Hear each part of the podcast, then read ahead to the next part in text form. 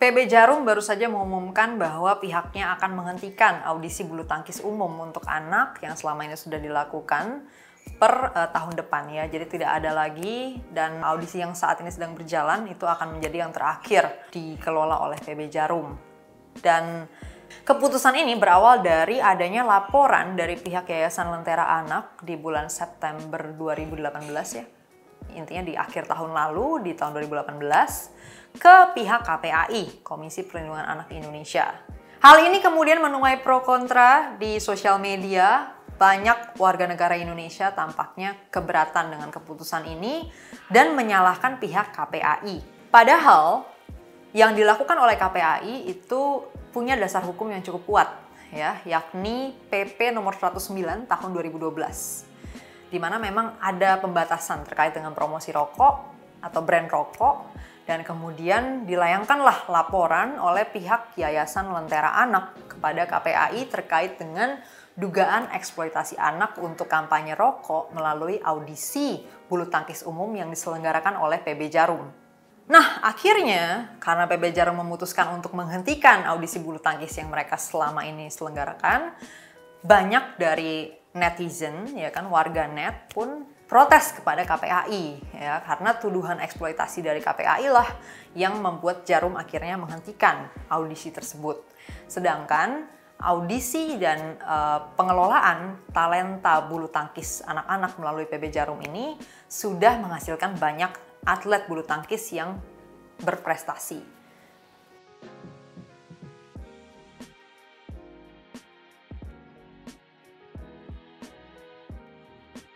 Dari pihak KPAI sendiri kurang terima dengan keberatan ini karena menurut mereka mereka tidak mendesak PB Jarum untuk menghentikan audisinya, tetapi mereka minta untuk PB Jarum tidak menggunakan brand Jarum yang dikenal sebagai brand rokok dalam aktivitas yang melibatkan anak-anak. Nah, kalau buat saya sendiri, hal yang menarik dari polemik ini, dari konflik antara Jarum, KPAI, Lentera Anak, dan warganet adalah sebetulnya uh, kritik ya, kritik dari pihak Lentera Anak ataupun pihak-pihak anti rokok di seluruh Indonesia Raya ini yang menyasar kepada audisi bulu tangkis ya. Menurut saya di situnya yang menarik. Karena Hal ini sangat aneh. Berapa banyak sih engagement yang dihasilkan dari audisi bulu tangkis ini gitu loh? Berapa banyak uh, sales gitu? Berapa banyak aktivitas pembelian yang terjadi karena orang lihat audisi ini misalnya? Atau karena anak-anak lihat kaos bertuliskan jarum itu apakah memang berdampak signifikan gitu ya terhadap konsumsi rokok? Kurang kurang jelas kausalitasnya gitu, kurang jelas hubungan sebab akibatnya antara adanya brand rokok di audisi bulu tangkis atau brand jarum dalam hal ini yang disebut sebetulnya brand jarum foundation bukan jarum rokok, tapi let's say ada brand rokok gitu ya di, di audisi bulu tangkis ke konsumsi rokok atau aktivitas konsumsi rokok secara umum di Indonesia. Kalau menurut saya ada banyak alternatif kebijakan lain yang bisa diutilize atau dimanfaatkan secara lebih optimal gitu ya dibandingkan menyerang audisi bulu tangkis gitu. Ya misalnya saja yang paling gampang adalah enforcement, penegakan hukum yang terkait dengan pembelian rokok oleh anak di bawah umur gitu.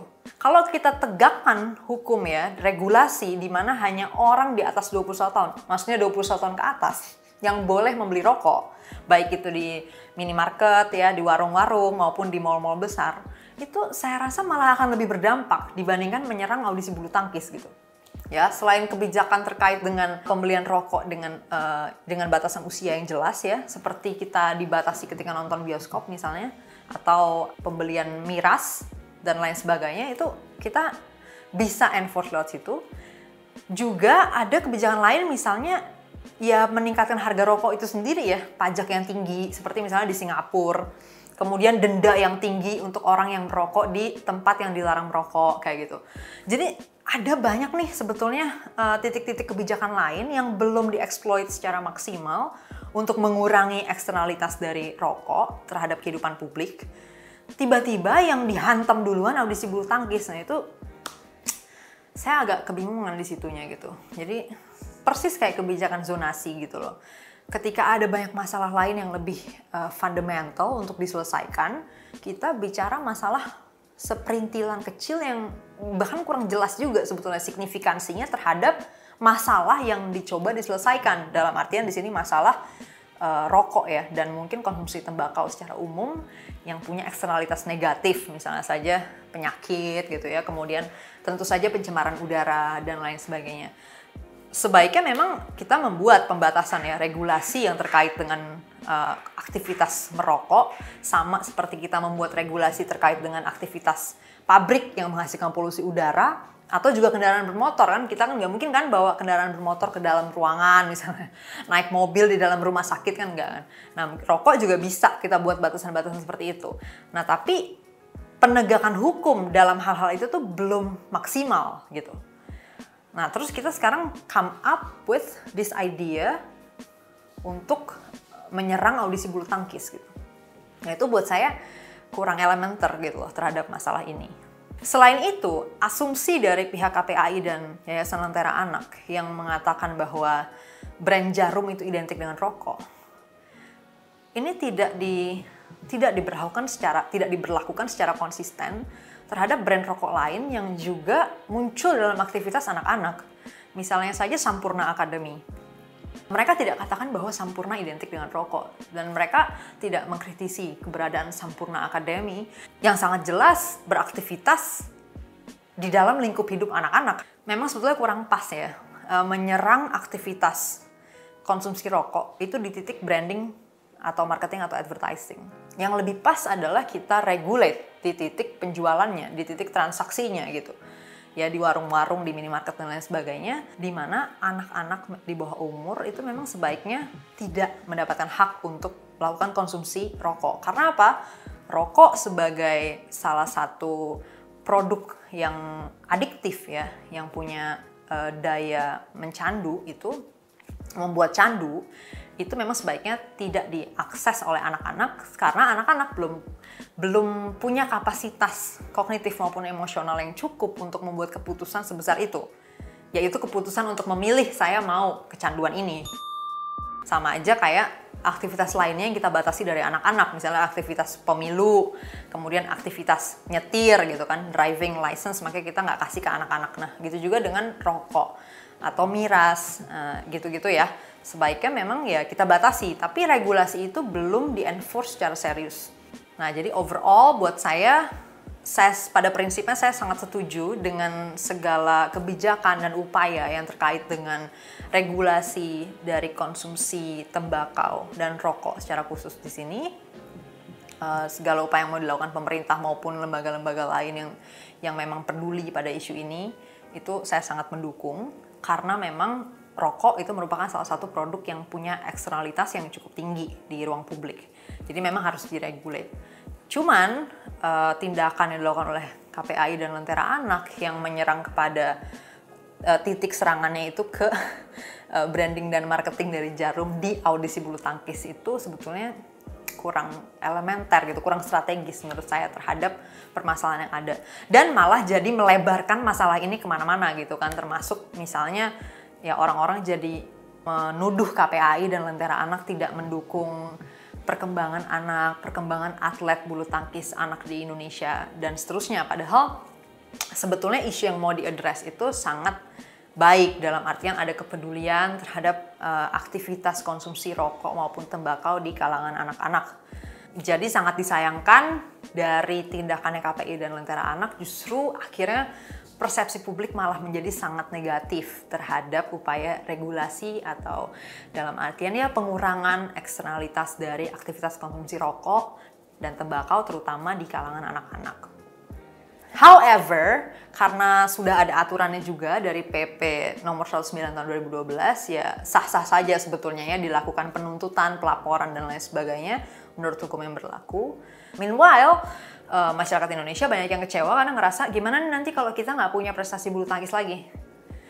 Ya sebenarnya agak sedih ya kalau kita harus bergantung pada sebuah korporasi untuk bisa punya prestasi. Cuman mungkin itu memang ya realitanya memang begitu bahwa uh, kita butuh dukungan finansial gitu kan dari beberapa pihak ya terutama mungkin korporasi yang memang posisinya punya banyak capital, untuk punya banyak resource untuk menyelenggarakan hal-hal ini ya, sekolah, pemupukan, talenta-talenta bulu tangkis atau atlet lah olahraga di Indonesia. Nah, tapi menurut saya balik lagi ya prestasi itu kan cuma konstruksi sosial. Jadi ya keputusannya sudah balik di kita.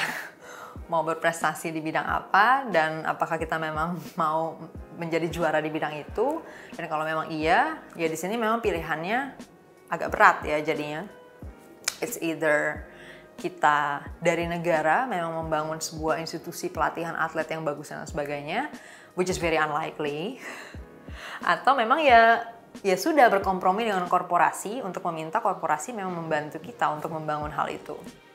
Nah, di sini juga akhirnya menjadi uh, konflik ya di media karena kedua pihak sama-sama nggak mengaku nih mana yang nggak kooperatif gitu. Jadi dari pihak Jarum bilangnya KPAI udah ditawarin untuk uh, mereka udah menawarkan kita tetap mengadakan audisi tanpa nama Jarum, tapi katanya KPAI menolak. Dari pihak KPAI membantah informasi itu. Jadi sebenarnya nggak tahu nih mana nih yang nggak kooperatif intinya sih sekarang kalau me memang misalnya ya udah jarum menghentikan audisi itu ya it's either negara yang steps in yang mana biasanya hasilnya you know contohnya udah jelas Nah, buat Yayasan Lentera Anak dan KPAI ya saya ucapkan selamat sudah menang dalam konflik ini. Terlepas dari tuduhan publik ya mengenai dana dari Bloomberg Foundation, uh, buat saya ini juga penting banget untuk dipahamin bahwa mengatakan sebuah lembaga itu dibayar sama si ini atau si itu tuh bukan argumen yang kuat ya untuk membantah sebuah kebijakan. Karena kalau kebijakan itu baik ya mau dia dibayar sama siapa ya terserah aja sih gitu.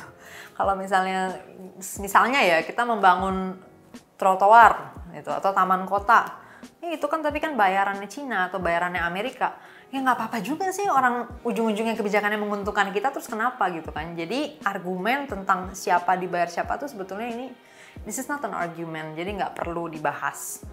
Yang paling penting di sini buat saya adalah kita fokus kepada tindakan yang terjadi kebijakan yang akhirnya diambil dan bagaimana itu berdampak buat publik. Nah kalau yang saya lihat di sini dampak terhadap pengendalian tembakau sendiri kurang signifikan karena kurang jelas nih di mana kausalitasnya Sementara dampak bagi anak-anak Indonesia yang bercita-cita untuk jadi atlet bulu tangkis ternyata cukup besar karena kebetulan di sini lembaga yang concern dan cukup berdedikasi di sana adalah pihak PB Jarum. Gimana menurut Anda? Silahkan share your thoughts on the comment section below. Jangan lupa subscribe dan like and share kalau kalian setuju.